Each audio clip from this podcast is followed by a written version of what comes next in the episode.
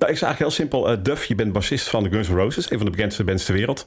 Uh, je hebt je eigen solo-project, maar je bent ook een uh, soort financier van de, van de sterren. Hij heeft een economische opleiding gedaan naar Guns N' Roses.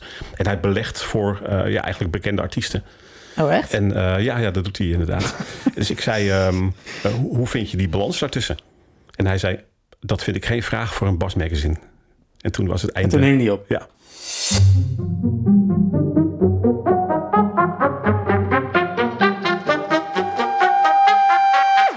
Bij de Muzikanten Kletskoek podcast. Een podcast met sterke verhalen en sappige info over de muziekindustrie. Vandaag is Chris Dekker, de hoofdredacteur van de Bassist, de gast. Hij vertelt zijn verhaal hoe hij met zijn band alles goed deed, op de wereldwijd doorspeelde, op Eurosonic Noorderslag speelde, maar toch niet lukte en niet doorbrak en wat hij daarvan leerde. Een korte mededeling voor de mensen die voor het eerst deze podcast luisteren. Als je op zoek bent naar gelijkgestemden, meld je dan aan voor de Muzikanten Kletskoek Facebookgroep. Wil je op de hoogte blijven van al het Muzikanten Kletskoek podcast nieuws, meld je dan aan voor de e-maillijst met de link in de beschrijving. Chris, welkom. Dankjewel. Uh, leuk dat je er bent. Ik ben benieuwd, wat doe jij allemaal? Je bent redacteur bij de Bassist. Je bent zelf bassist. Ja, klopt. Uh, vertel. Ja, er zijn een aantal dingen die ik, uh, die ik doe. Um, belangrijk is natuurlijk, de, ik ben hoofdredacteur van de Bassist. Ik ben voorzitter van een stichting van een, een lokaal jongerencentrum Poppodium. En dat is een, uh, ja, een, klein café en een zaal van 200 man. En er spelen bandjes, eigenlijk voornamelijk lokale metalbandjes. En, maar ook feesten, karaoke shows, singer-songwriters. En daar organiseer ik van alles. En ik werk achter de schermen. Maar dat is vrijwillig, onbetaald. Ja. Dus ja, weet je, ik verdien super veel geld, maar ik heb wel heel veel lol. Wat zijn voor jou de, de, to de tofste momenten geweest? Uh, om te werken bij uh, music, Maker en een bassist. En... Ja, ik vind het eigenlijk altijd wel heel leuk als je je helden kan ontmoeten. Ja. Heel vaak zeggen ze van doe het niet, want het valt tegen. Uh, dat heb ik nu één keer gehad. Ik belde Duff McKagan van Guns N' Roses op. En ik stelde de verkeerde vraag. En de ene vraag ging uit de hoorn op. Dus dat Oh. was even een... Um, Maar dit was wel afgesproken dat jullie zouden bellen. ja, het was helemaal afgesproken inderdaad. Ja. allemaal via management en zo. En, uh, En wat vroeg je dan? Um, nou, ik zeg eigenlijk heel simpel. Duff, je bent bassist van de Guns N' Roses, een van de bekendste bands ter wereld. Uh, je hebt je eigen solo-project, maar je bent ook een uh, soort financier van de, van de sterren. Hij heeft een economische opleiding gedaan naar Guns N' Roses. En hij belegt voor ja, eigenlijk bekende artiesten. Oh, echt? En ja, ja, dat doet hij inderdaad. dus ik zei, um, hoe, hoe vind je die balans daartussen? En hij zei, dat vind ik geen vraag voor een Bas Magazine. En toen was het einde. En toen hing die op. Ja. Dus ik heb er zelf heel erg om moeten, moeten lachen. Wow. Maar voor de rest... Heb uh, je ja, dat ook heb, gepublished? Of heb je dan... Uh... Um, op, ik heb het op Facebook gezet. En toen heb ik ook nog een beetje ruzie gekregen met het platenlabel dat ik al op Facebook had gezet. Hm. Want Duff zou nu een, een slechte reputatie daardoor krijgen. En toen dacht ik van... ja, nou, dat doet hij toch ook zelf? Ja, maar ook als je in Guns N' Roses hebt gezeten... en je weet een beetje wat die jongens gedaan hebben... Ja. dan is dit niet echt slecht voor je reputatie, zeg maar. Nee. Maar de leuke dingen, laten we daarop focussen. Um, ja, ik ben bijvoorbeeld een ontzettende fan van Wilco. Um, een band. En ik heb de bassist uh, twee keer geïnterviewd. Hm. Um, het is ontzettend leuk om mensen als Lee Sklar, zo'n baslegende die uh, met Phil Collins en zo meespeelt, om die te spreken. Hm. En um, ja, eigenlijk al die mensen die je kent uit CD-boekjes, dat, die op, dat je die opeens tegenkomt en met ze praat. En, en Ja. um, ik kan me herinneren een interview met van Music Maker dan, met de band Elbow. En ik ben niet per se een Elbow-fan. Maar de zanger en de bassist die doen altijd de interviews samen. Vinden ze leuk. Dan gaan ze een paar dagen naar Europa toe. Uh, vanuit Engeland gaan ze lekker eten, interviews doen, heel relaxed. En die mensen deden eigenlijk alsof, uh, alsof ik de gast was. Uh, ik werd helemaal als een soort van, van, van koning werd ik ingehaald door, door de mensen van Elbow. Want Oh, nice. Dat was echt een super warm bad. Ja. En daartussen, ja, het is eigenlijk altijd leuk. Je weet nooit wie je tegenkomt, wat de antwoorden worden. En um, ik vind de interviews altijd wel heel leuk om te doen. Hoe kom ik met mijn nieuwe project of met mijn bas in de bassist of in Music Maker? Ja. Is, dat, is dat mogelijk? Of doen jullie alleen maar echt bekende dingen? Uh, nee, zeker niet. Um, ik doe eerst even een heel klein zijstapje. Um, voor mijn werk ontmoet ik natuurlijk heel veel grote bassisten. Dat is gewoon ontzettend leuk. Uh, ook gitaristen trouwens voor de andere bladen, zangers. En stiekem vind ik het eigenlijk veel leuker om met jonge bands te werken. Hm. Um, ik ben zelf bij mijn band probeerden we succesvol te worden. Maar we zijn uiteindelijk gestrand ergens. Maar tussendoor wel uh, serious talent geweest. We hebben bij de wereld doorgespeeld. Um, Welke band is dat? De Lala Lies heette dat. Oké. Okay. En um, we hebben in België opgenomen. Wat een platencontract. Een boekingscontract bij Friendly Fire. Dus op papier ging alles supergoed eigenlijk. Alleen het is toch... Uh, ja, niet goed gekomen, maar dat is een ander verhaal. Hm. Um, Daar wil ik het zo wel even over hebben. Maar oh, is goed, ja. Maar ik vind het vooral superleuk eigenlijk om met die kennis die ik heb... Ehm, ik, ik, ik, maak nog wat muziek, maar ik heb zelf nu een klein beetje van Been There Done That. Ik had een t-shirt en ik vind het nu juist leuk om, om jonge muzikanten te helpen. Dus ik ben heel vaak aan het uh, coachen. En ook inderdaad, soms vraagt de band aan mij... Um, ja, weet je, we hebben nu, uh, we zitten in de oefenruimte, hebben heel toffe nummers. Hoe komen we bij de Wereldrijd door? En dan zeg ik van, ja, maar je wil nog helemaal niet bij de Wereldrijd door, want dat, daar ben je gewoon niet klaar voor, zeg maar. Ja. Uh, ga eerst spelen, eerst nummers maken. Uh, stel dat, dat, dat zegt ze voordat ze überhaupt een optreden hebben gedaan. Ja, ongeveer, ja. Ja, ja, ja. ja oké. En dan zeg ik altijd van, ja, weet je, zorg eerst voor dat je er wat aan hebt. Als 100, uh, 1,2 miljoen mensen hier zien, dat je ook een dat je wat te bieden hebt. Maar terug naar jouw vraag. Um, ja, uh, de bassist is natuurlijk een blad uh, wat natuurlijk de, de internationale uh, bashelden pakt. Want dat, ja, dat wil iedereen natuurlijk lezen. Ja. Um, wij zijn uniek doordat wij ook de Nederlandse basmensen pakken. Dus dan praat je over ja, van de staat en Bluff en Raccoon tot en met, uh, ja, noem eens wat, uh, de Bintangs of oud en nieuw. Dus, dus, dat is natuurlijk heel belangrijk. we hebben ook een rubriek, dat heet Opgebast. Daar zetten we iedere, iedere keer een... Um, ik heb de naam niet bedacht trouwens, Opgebast. ja. ja, Opgebast, dat zijn dus vaak bands die... Um, die, die zich toch al een klein beetje in de kijker spelen. Ja. Um, en dan moet je denken aan uh, popronde bands. Dan moet je denken aan um, Door de Slag of Eurosonic bands. Um, daarbij Music Maker is juist ook een blad wat, uh, wat heel erg probeert om in oefenruimtes bijvoorbeeld een reportage te maken... of opnamesessie of een bijzonder optreden... of bands volgen met een bijzonder optreden. Hmm. En eigenlijk zijn het altijd... daar doen we altijd heel veel, heel veel opkomende jonge bands in. Hmm. Wat ik wel denk is... Um, er zijn natuurlijk in Nederland, weet ik, 30 of 40.000 bands en heel veel bands. En uh, je hebt altijd een soort van filter eigenlijk nodig. Ja. Ik bedoel, je hebt heel veel bandjes die vinden het prima om één of twee keer per jaar te spelen. Ja, die komen niet in de bassist of in de, in de music maker, maar die ambiëren dat ook helemaal niet. Nee. Um, dan heb je de, natuurlijk het, het cover circuit, wat ook een klein beetje buiten onze, onze bladen valt. Uh, tribute bands wel soms. En dan kom je op de groep bands die het echt wil, uh, ja, die het echt wil maken, zeg maar. En dan kom je op een ja, als je nu kijkt, bijvoorbeeld een Eut of een Tape Toy. Uh, ik noem even zo wat bands die me te binnen schieten. Ja. Nemesis. Um, dat zijn bands die echt, echt hun best doen, eraan werken, veel optreden. En dan gaan opeens gaan er dingen gebeuren. Of ze krijgen een boerscontract, of ze zouden bij de popronde, of um, ze doen een toffe voorprogramma's. En dan komt eigenlijk een beetje het moment dat wij als bladen ook kunnen zeggen van... hé, hey, nu uh, ja, stappen wij in, om zo maar even te zeggen. Ja. Want zo'n band kan wat anders hebben. En een, een band die nog ja, te jong is, te beginnend is, ja, dan moet je eigenlijk meer van je, ja, gewoon bij je lokale pers beginnen. De lokale radio. Ik zeg altijd, als je ja. bij de lokale radio speelt, wat echt heel raar is bij de radio spelen voor het eerst, dan kan je het ook bij 3FM.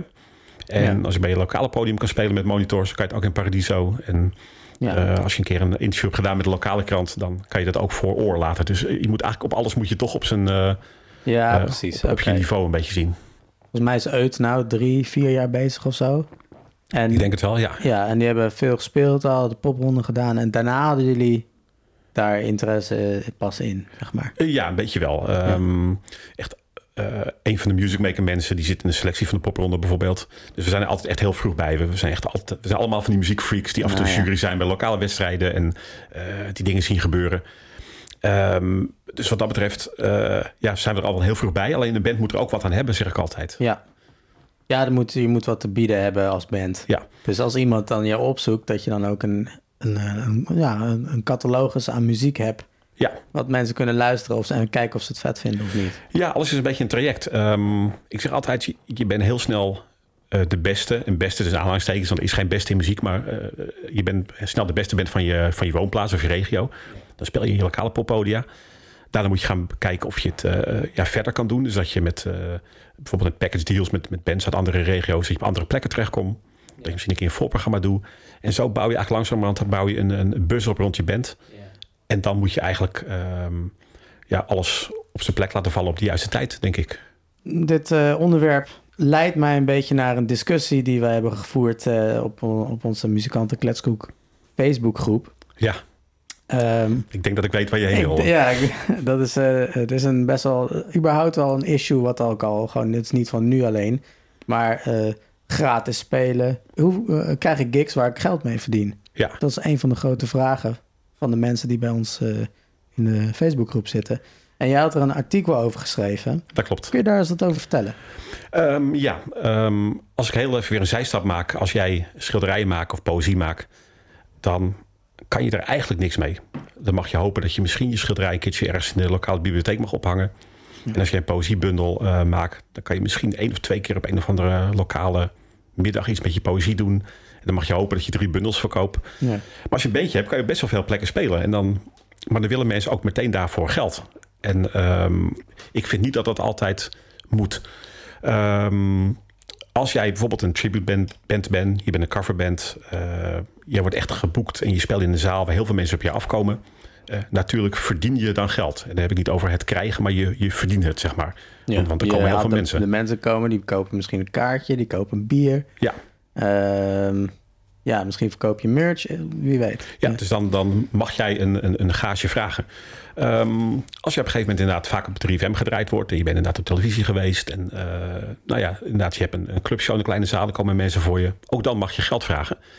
Um, het jongerencentrum waar ik voor programmeer... wij betalen bands altijd wat. Al is het 50 euro, 100 euro, 150 euro. We geven altijd iets. Ook omdat we gewoon vinden van dat dat... Uh, wij vinden dat dat uh, moet... Alleen ik denk als band moet je toch echt uh, kilometers gaan maken. Um, in Nederland zijn we eigenlijk heel verwend. We, als je band hebt, heb je vaak ook gewoon je studiefinanciering of je hebt je baantje. Je hoeft er vaak niet van te leven. En um, ja, je moet eigenlijk uh, toewerken naar zo'n punt dat je jezelf echt bewezen hebt. En in die tussentijd moet je gewoon ook af en toe gratis spelen. Dat kan een benefiet zijn, dat kan een keer een open podium zijn in het begin. Um, ik ken bands die echt helemaal begin van hun carrière staan. Gewoon nog niet zo goed zijn. Waarvan ik denk van, ga eerst kilometers maken. Ga veel het podium op. Zorg dat je gewoon eens een keer twintig keer gespeeld hebt. Pak al die open podia. En die zijn nou helaas onbetaald. Maar je probeert je nummers uit. Um, je speelt voor publiek. Je bouwt een fanscharen op. En um, laat ik dan mijn band, waar we misschien straks nog meer over gaan vertellen... maar het Lijsters voorbeeld nemen. Uh, wij begonnen ook natuurlijk gewoon lokaal. Uh, open podia, weet je wel, 100 euro, 50 euro, et cetera, et cetera. Af en toe pakte een kroegje erbij en dan verdienden we een beetje meer. Want dan komen echt wel leuk mensen. Um, op een gegeven moment gingen wij, mochten wij 12 keer het voorprogramma doen van De Wolf. Nou, De Wolf is een grote band. Ja. En dan praat je over zalen als 013, uh, de grote zaal. Clubtour mee. Echt een clubtour mee, ja. ja. En dan echt de grote zalen van de clubs. Dus het Paard, Top. de grote zaal, 013, Paradiso, Melkweg, uh, P60, al dat soort zalen. Ja. Dat betekent en hoe dat lang je, waren jullie op dit punt al bezig? Um, ik denk een jaar of drie, vier ongeveer ook al, Ja. uh, toch, ja. Oké. Maar dan speel je dus eigenlijk tussen, dus dan speel je iedere keer speel je voor uh, uh, tussen de 1000 en de 2000 mensen. Dat zijn allemaal de Wolf-fans. Onze muziek zat een beetje in die hoek. En wij kregen 150 euro per optreden. Mhm. Um, maar om dat optreden goed mogelijk te maken, huurden wij een busje. En we namen een eigen geluidsman mee. Dus het kostte ons 250 euro. Ja. Dan verkochten we merch en cd's. Nou, dat bracht per optreden ongeveer 50 euro aan winst op. En dan hadden we 50 euro verlies uh, per optreden. Hm. Dan stonden we een keer in een kroeg in Schagen. Dan kregen we 400 euro. En daar konden we dan eigenlijk acht uh, de Wolf optredens van, uh, van betalen. Hoe zie je dat terug dan, die investering? wij zagen onze Facebook likes echt omhoog schieten. Ja. En eigenlijk zou je dat moeten zien als een investering in uh, mogelijk je eigen clubshows. Hm. Als je met inderdaad 2000 mensen uh, uh, met de Wolf staat te spelen, dat je eigenlijk hoopt dat je misschien een half jaar later in een kleine zaal van, diezelfde, van hetzelfde podium mag staan. En dan voor 200 mensen, bij wijze van spreken. Hm. En dat is een soort van, van opbouwtraject. Ja. En, um, ja, en het grappige was, ik heb ooit een keer nog even zo'n verhaal. Ik heb ooit een keer uh, een optreden voor 400 euro van een band daarvoor afgezegd. om in het voorprogramma van Daryl N te kunnen spelen voor niks. Ja. Omdat ik heel graag in het voorprogramma van Daryl N wilde staan. En omdat we daar weer potentiële fans trokken. En dat goed betaalde optreden, ja, dat was weer de derde keer per jaar voor dezelfde ja, lokale mensen, zeg maar. Mm. Dus, um, dus ik denk, als band moet je gewoon heel erg gaan investeren. Ja. En in Nederland kan dat ook, want je hebt meestal je studiefinanciering, je hebt meestal je, je bijbaantje. Dat kan er vaak bij je, als je het over jonge bands hebt. Ja. Ik heb het nu echt een, over de jonge bands die er willen komen. En um, uh, ik heb ook heel veel reacties, nogmaals even van, van een coverband. Of ja, uh, wat oudere heren die het leuk vinden om een paar keer per jaar in de kroeg te spelen. Nou, die krijgen natuurlijk wat betaald, hartstikke leuk. Maar ik heb het nu echt over bands die dus de nieuwe uit willen zijn. En straks de nieuwe, ja, een nieuwe De Wolf of een nieuwe Kensington willen zijn. Ja, precies. Ja. Oké. Okay. Wij hebben met Kensington gespeeld, ook ergens voor niks. Um, ook maar weer om, om dat op te bouwen eigenlijk. Ja. Ik snap de investeringen. Ehm, maar als je inderdaad een voorprogramma van Kensington, die wel echt gewoon een hele zaal vol speelt, is het dan niet een beetje cru om een, om een voorprogramma voor niks te laten spelen? Is dat dan niet een beetje eikelig soms? Ja, op festivals zie je natuurlijk dat, dat bands eigenlijk altijd wel wat krijgen. Ja. En uh, voorprogramma's zit je ook toch vaak op 100 of 150 euro als je kijkt naar de, naar de grote zalen. Mhm. En als je kijkt naar echt een hele middag met meer bands, zou ik het niet direct uh, zo weten. Nee. En, um, nee, wat, ik bedoel, sorry dat ik je in de Nee, reden dat is val. goed, ja. Maar, ehm, maar de festivals, dat is dan als je gewoon een toffe festivalshow hebt. Dat is al een markt waar je misschien iets sneller in kan vallen dan je eigen clubtour. Ja, klopt. En op een festival kan je natuurlijk ook weer nieuwe fans. eh er komen natuurlijk mensen komen voor andere bands misschien wel. Die zien jou, vinden dat tof. Ja. Ehm, ben ik met je eens. Ehm, het punt is natuurlijk dat je ziet vaak dat een stad eh één of twee festivals heeft. En een poppodium waar elke week Ja. eh, meerdere bands spelen. En ehm, eh, de bands die op het festival terechtkomen, dat, dat zijn ook vaak al de bands die er zeg maar, zeg maar, zijn uitgefilterd. Dus eigenlijk eh, de best-of van het jaar podium. eh, zeg. Je hebt natuurlijk heel veel festivals met een, met een lokale opener die het echt gegund wordt. Of die een wedstrijd winnen, dat soort dingen. Ja. Nou, en wat jij zo met kilometers maken. ehm, met mijn eerste band heb ik echt heel veel kilometers gemaakt. En dan zijn we uiteindelijk nooit ergens gekomen. Ehm, mijn tweede band, de Lalalais, waren we eigenlijk allemaal ervaren mensen. We hadden allemaal in bands gezeten. Dus dan heb je per persoon eigenlijk al heel veel kilometers gemaakt. Dus je stapt dan toch op een iets hoger niveau stap je in. Je bent niet meer dat, eh, dat 18-jarige jochie wat voor eerst in een, eh, in een band zit. Nee. En ehm, dus dan zie je dat eigenlijk iedereen met wat meer ervaring in zo'n band stapt. En ook met meer ervaring op een podium staat. eh, een, een- ja, een betere show kan weggeven. En ehm, dan moet je alsnog als band wat kilometers maken. Want je moet een beetje op elkaar ingespeeld Ja. raken. Je moet je natuurlijk je, je nummers moet je... Hoe je het bent of keert. Je, wil al, je moet altijd, als je geoefend hebt, moet je altijd nog shows doen. En dan tien shows later, dan realiseer je pas van... hey, nu klopt nu het. zit het er pas in, Ja. zeg maar. Of twintig shows later. Maar met die band eh, hadden we ook sneller betaalde optredens. Of goed betaalde optredens. Omdat we gewoon ja, eh, die kilometers eigenlijk al gemaakt hadden. Ja, Dus, precies. dus ja, er zijn natuurlijk jonge bandjes die beginnen heel vroeg. En die moeten gewoon best wel kilometers Mhm. maken. Want het is een eerste band. En je hebt bands die eh, bij elkaar komen en al vrij snel goed zijn. Dus er is, er is ook niet één, ehm, één antwoord. En dat is het Nee. leuke aan de muziekindustrie. Ja. Ik weet eigenlijk heel veel dingen hoe het niet moet. En hoe het wel moet, dat weet volgens mij niemand precies. Ja. Ook al beweren sommige mensen van wel. En dan gaan we toch, ga ik je vragen van wat voor tips zou jij geven aan iemand die best lang bijvoorbeeld al eh, met muziek aan het flirten, maar ze, kom- ze komen maar niet aan betaalde gigs. Nee. Ehm, ik denk dat het sowieso heel hard werken is. En dat er heel veel moet, eh, moet kloppen bij een band. Ehm, en het is helemaal mooi Of als er- artiest. Ah, of artiest. En eh, het is helemaal mooi als er natuurlijk een beetje een, een, een mooi verhaal achter zit. Ik kijk naar de wereld eruit door. Die wil heel graag een, een mooi verhaal horen. Ja. Een vriendin van me die is... die heeft bij de, op de school van Paul McCartney gezeten in Liverpool. Die zat op de foto eh, met Paul McCartney. Hm. En ik zei, als jij ooit bij de Wereld Draait Door gaat spelen... dan is die foto jouw ticket om daar binnen te komen. Want eh, ik zie er helemaal voor me dat Matthijs Nieuwkerk jou gaat vragen over, eh, over Paul McCartney, zeg maar. Ja. Maar dat is even een zijstapje. Ehm, laat ik even over een, een, een band praten... en dan straks misschien even een, Ja. ander type artiest eh ernaast zetten. Maar in het geval van De Wereld Draait Door heb ik haast het gevoel, omdat het ook een journalistiek programma is, dan is het eigenlijk bedoel, er is zoveel aanbod, dat Ja. het verhaal eigenlijk belangrijker is dan de muziek. Ja, je moet al bij die 100 eh, zeg maar beste bands van Nederland horen. En dan, ja, dan spelen er 30 of 40 per jaar. En dan moet je zorgen dat je door je verhaal ehm, eh, net een stapje verder komt eigenlijk. Ehm, stap terug. Ah, ik denk dus als band moet je gewoon voor zorgen dat, eh, dat er eigenlijk heel veel goed is. Dat geldt natuurlijk ook voor solo-artiest. Ehm, je nummers moeten kloppen. Eh, je social media moet kloppen. Eh, daar moet je gewoon actief op zijn. Je bent tegenwoordig gewoon je eigen social media manager en eh, noem het maar op.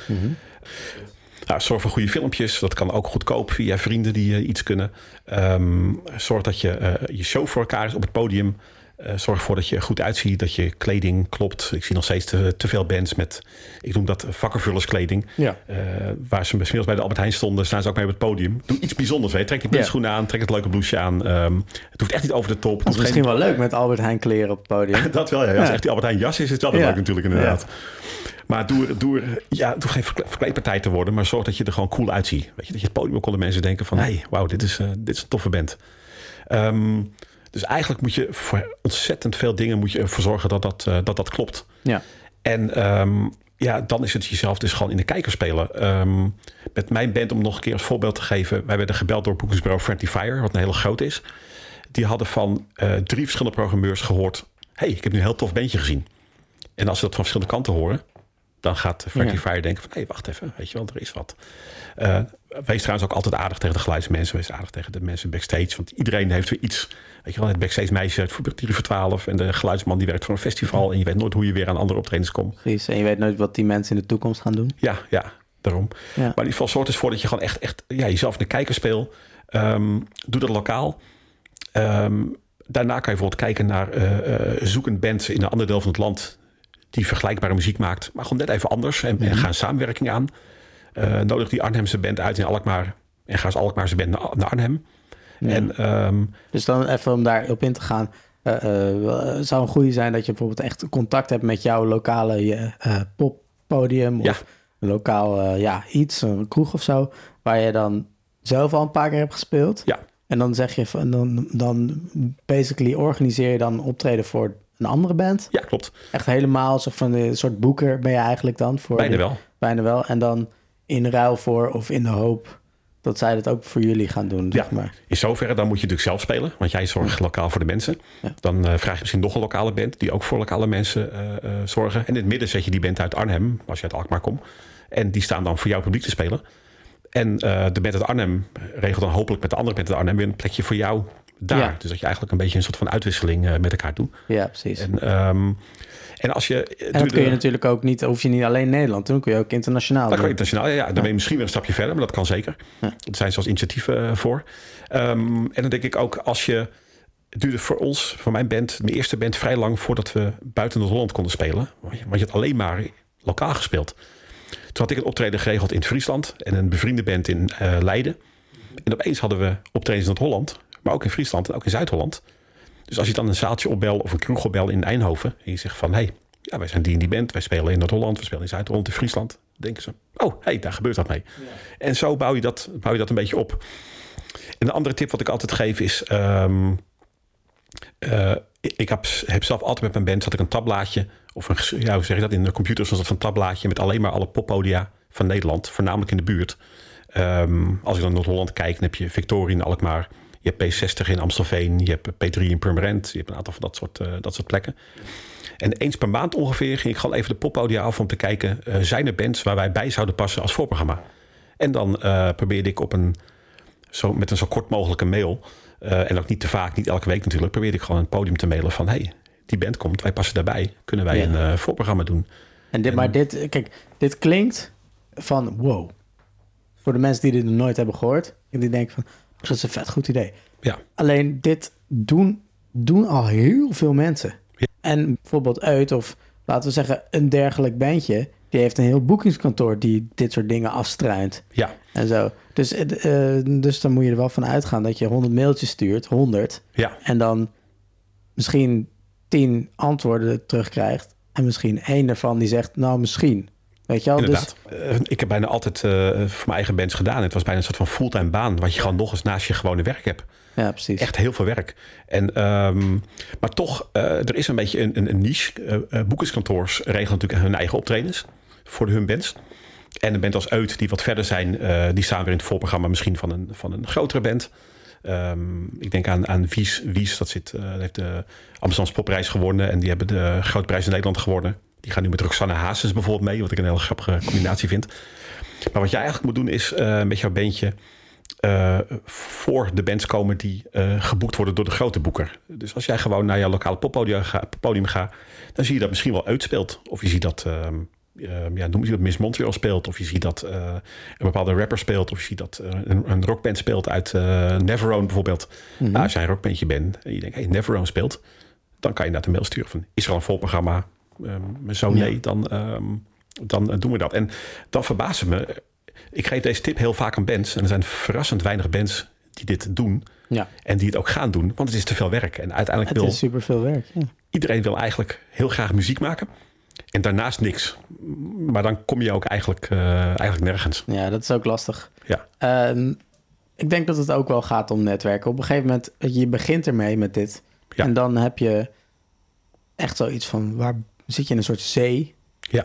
En, uh, op, op een, op een om, ja, zee met allerlei vissen erin. En je zit er zelf, zit je er bovenop in een, op een vlot. En ja, je ziet niks. Nee, klopt. Eigenlijk. En je gaat een beetje gewoon hengelen. Je gooit hengelen uit. En die ene die dan wel terug re- reageert, dan probeer daar een relatie mee op te bouwen, Ja, heel belangrijk. zou ik, eh, zou ik zeggen. Ja.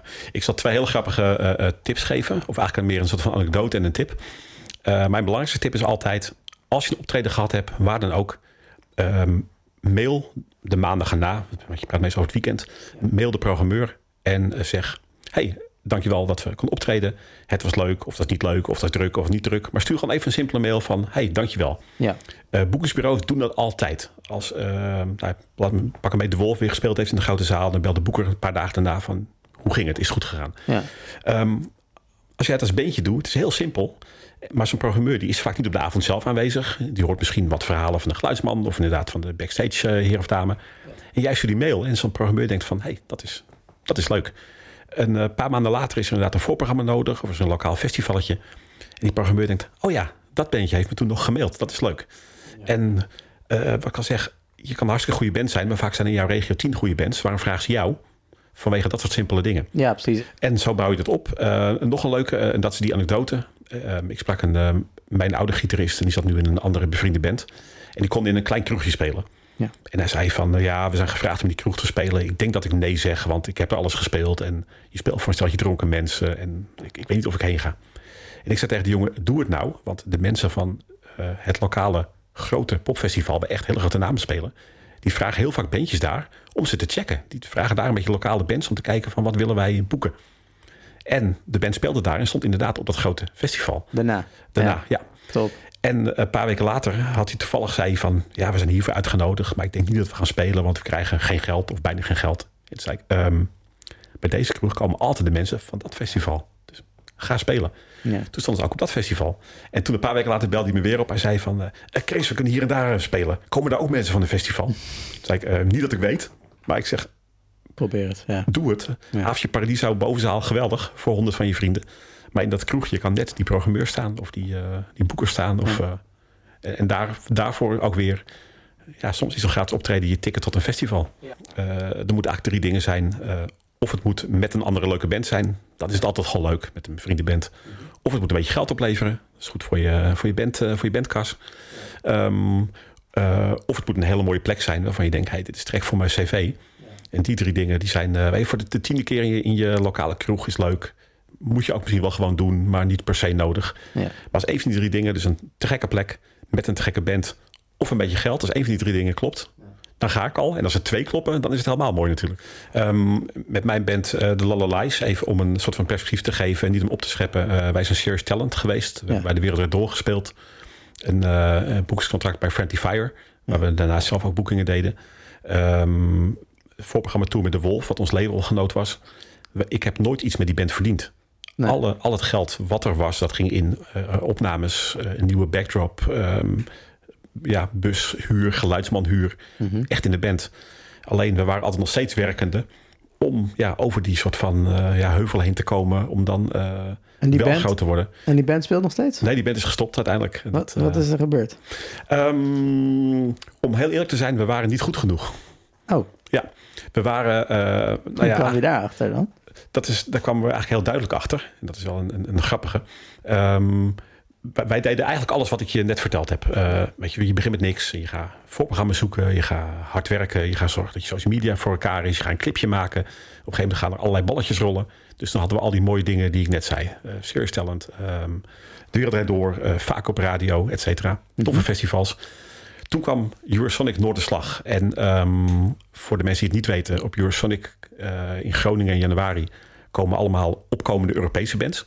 Dat zijn bands die je vaak eh, ja, later dat jaar of jaren later in de grote zalen ziet. Dus echt een, eh, een, een soort van talenten eh, show eigenlijk. Kun je wat paar acts opnoemen? Die, eh, Ja, ik zag bijvoorbeeld ooit daar eh, Frans Ferdinand in een klein cafeetje spelen. Hmm. Die geloof ik datzelfde jaar nog in de toen nog Heineken Musical, nu AVAS Live speelde. Of nee, eerst de Melkweg volgens mij. En toen Hmm. AVAS Live en dat, eh, dat, werd, dat werd heel groot. Dat begon daar ooit als eh, klein beginnend beentje op dat Eurosonic. Oké. En eh, één dag, dat heet Noorderslag. Dan komen alle grote bekende Nederlandse bands gecombineerd met alle opkomende Nederlandse bands. En wij waren daar dus een van die bands van. En dat is in januari. En ehm, het idee is, speel op Noorderslag. En dan stroomt jouw eh, festivalagenda stroomt vol. En onze festivalagenda stroomde niet vol.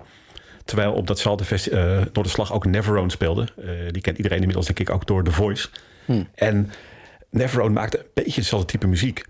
En ze hadden heel veel festivalboekingen en wij hadden er uh, heel weinig.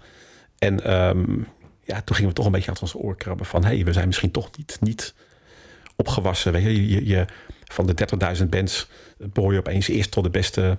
Uh, en beste, iedere keer dus aanhalingstekens, hè, want er is geen beste muziek, maar behoor je opeens tot de beste duizend bands. Mm-hmm. Opeens waren we bij de beste 100 bands, dus al die bands die, die ja, net zeer zijn, die allemaal dat soort dingen doen, festivals doen. Maar dan wil je bij die beste 20 terechtkomen om echt naar de grote festivals te gaan en echt toffe dingen te doen. Ja. Die, die, echte clubshows doen. En ja, toen kwamen we gewoon, ja, toen hadden we eigenlijk ons plafond bereikt.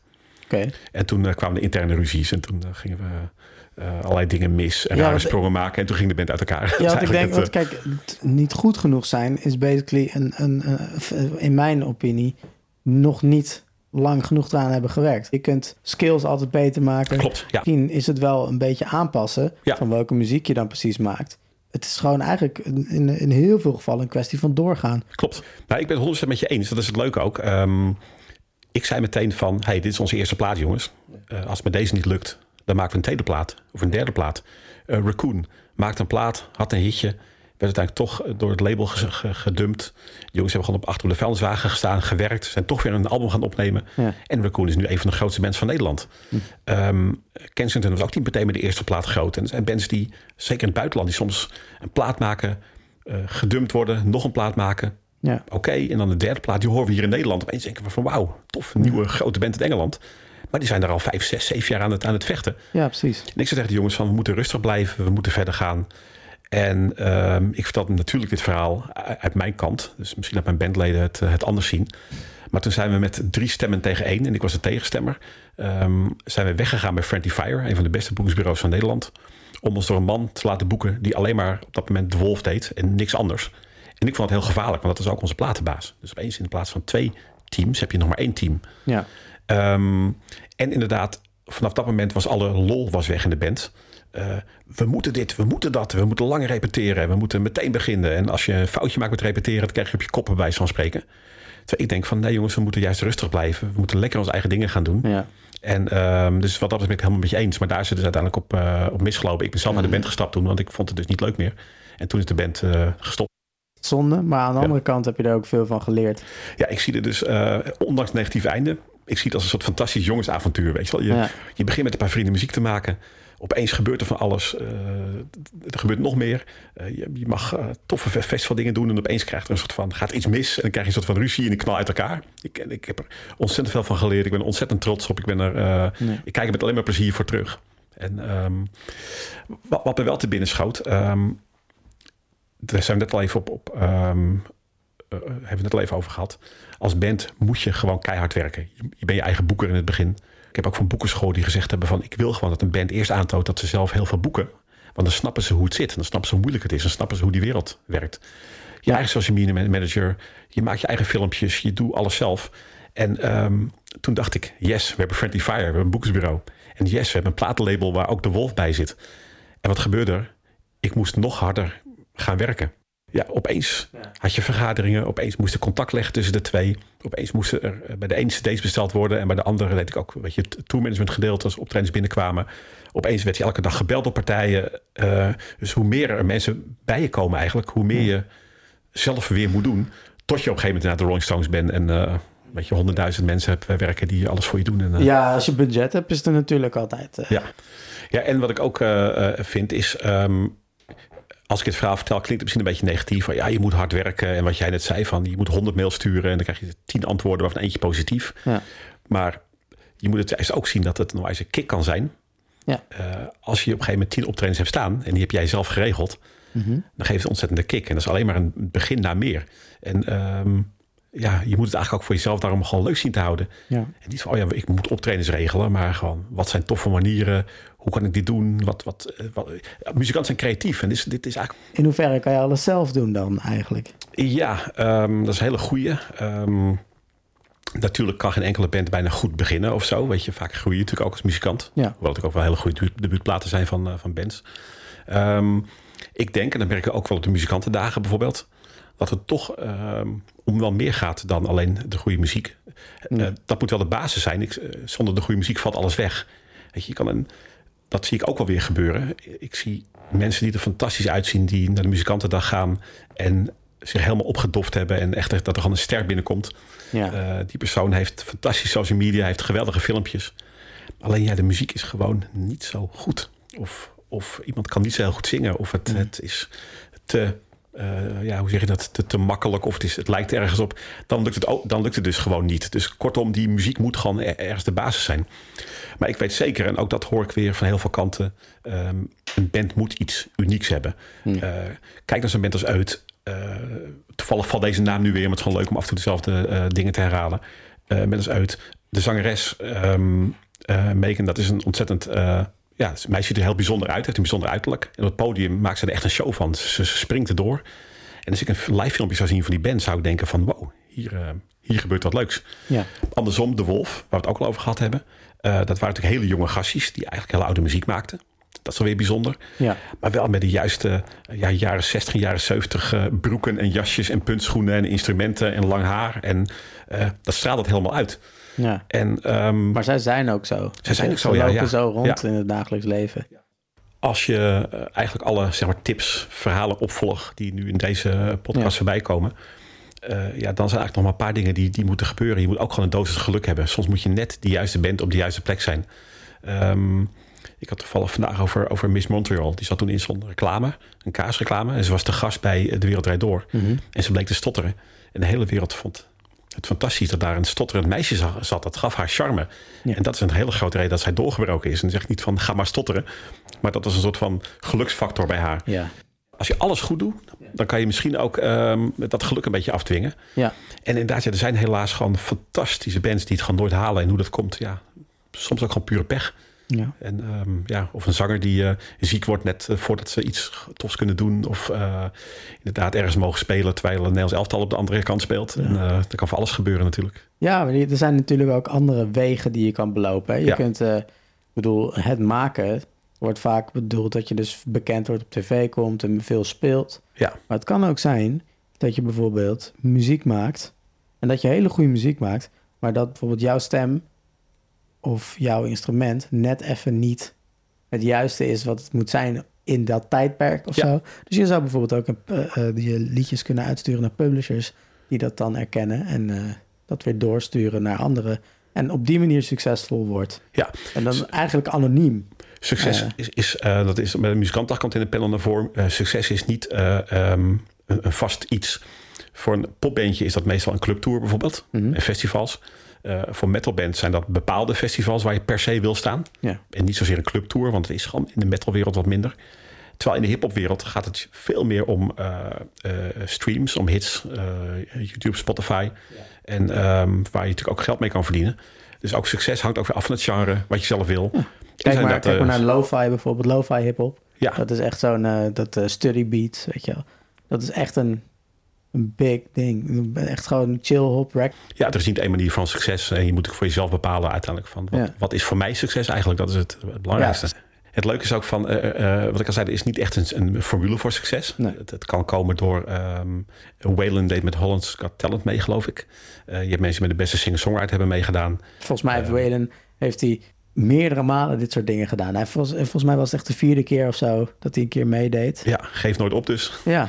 En... Um, Terwijl, ja, zo'n Miss Montreal, dat kwam door een liedje bij een reclame. Uh, die ze misschien wel per ongeluk uh, had geschreven. Wat ik ook nog steeds natuurlijk een hele leuke vind, is uh, Carol Emerald. Ja. Um, waarbij dat een groep mensen nummers schreven voor onder andere Japanse artiesten. Dat Carol Emerald zelf eigenlijk in haar kamerjas, in haar appartementje, een microfoon had staan. En dat vaak even inzong, puur voor demootjes. En dat ze dat nummer zo tof vond en dat ze dus met haar die plaats zijn gaan maken. En um, ja, dat dat eigenlijk ook gewoon, zeker in Europa, maar bijna wereldwijd succes krijgt. Ook gewoon weer door uh, alles zelf te doen. Ja, maar dat was ook volgens mij uh, een, een, het juiste moment voor die muziek. De ja. electro swing, dat was op dat moment ook in opmars. Ja. op het juiste moment heeft ze dat, die uh, golf meegemaakt. Er is een uh, internationale serie classic albums... waarbij ze dus platen van de Beatles en de Who en de Stones... en bekende bands, de Doors, allemaal uh, bekijken hoe ze allemaal tot stand is gekomen. Ja. En er is ook een Nederlandse serie van. Dat is een soort van onder de vlag van. En die kan je volgens mij op YouTube of Uitzending Gemist kan je die vinden. Hm. En dan komt er Spritz van Herman Brood voorbij uit 1979. Maar ook het album van Cara Emerald. En het leuke was dat een label zei van... ja, maar er moet een fotoshoot komen en dat kost 15.000 euro. En dat zei zij van... ehm, Nee. eh, nee, wij regelen morgen gewoon goede foto's. Ja. Maar er is ook een clipje van Cara Emerald gemaakt in een Amsterdams café zonder budget. En als je nu terugziet, is het echt super, super, super eigenlijk amateuristisch. Ehm, en toen er geld was, toen kon er inderdaad een betere clip gemaakt worden. Maar ehm, toen zij voor de eerst bij 3FM aankwamen, eh, zei men letterlijk... Ja, weet je, een meisje die een beetje een soort van Zuid-Amerikaans-achtig zingt met een beetje dance. Daar is helemaal geen vraag naar, dat maakt niemand nu. En ehm, dus, maar uiteindelijk, dus misschien was ze juist wel de juiste persoon, want toen is dat dus al opgekomen. Eh, opeens bleek toch dat mensen het leuk vonden. En er kwam dus wel een, een hit uit. Heel veel hits. Dat, dat bedoel ik te zeggen met Ja. dat het juist de timing was. Want de electro swing movements, op Parov Stellar en zo, Ja.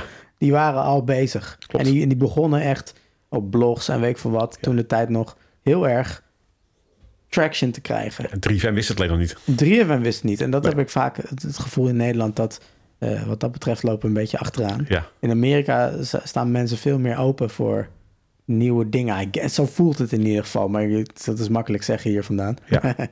maar eh, dus, eh, eh, nou ja, dus die, die movement was al bezig. ja klopt. En zij wisten dat al, omdat die, die artiesten of die producers met hun Japanse tracks aan het maken waren. Ja, klopt. Dat waren natuurlijk al producers die wereldwijd al actief waren. Ja. Nog, niet, nog niet echt succes hadden. Dat, dat moest nog komen. Maar die wisten natuurlijk wel wat er gebeurde.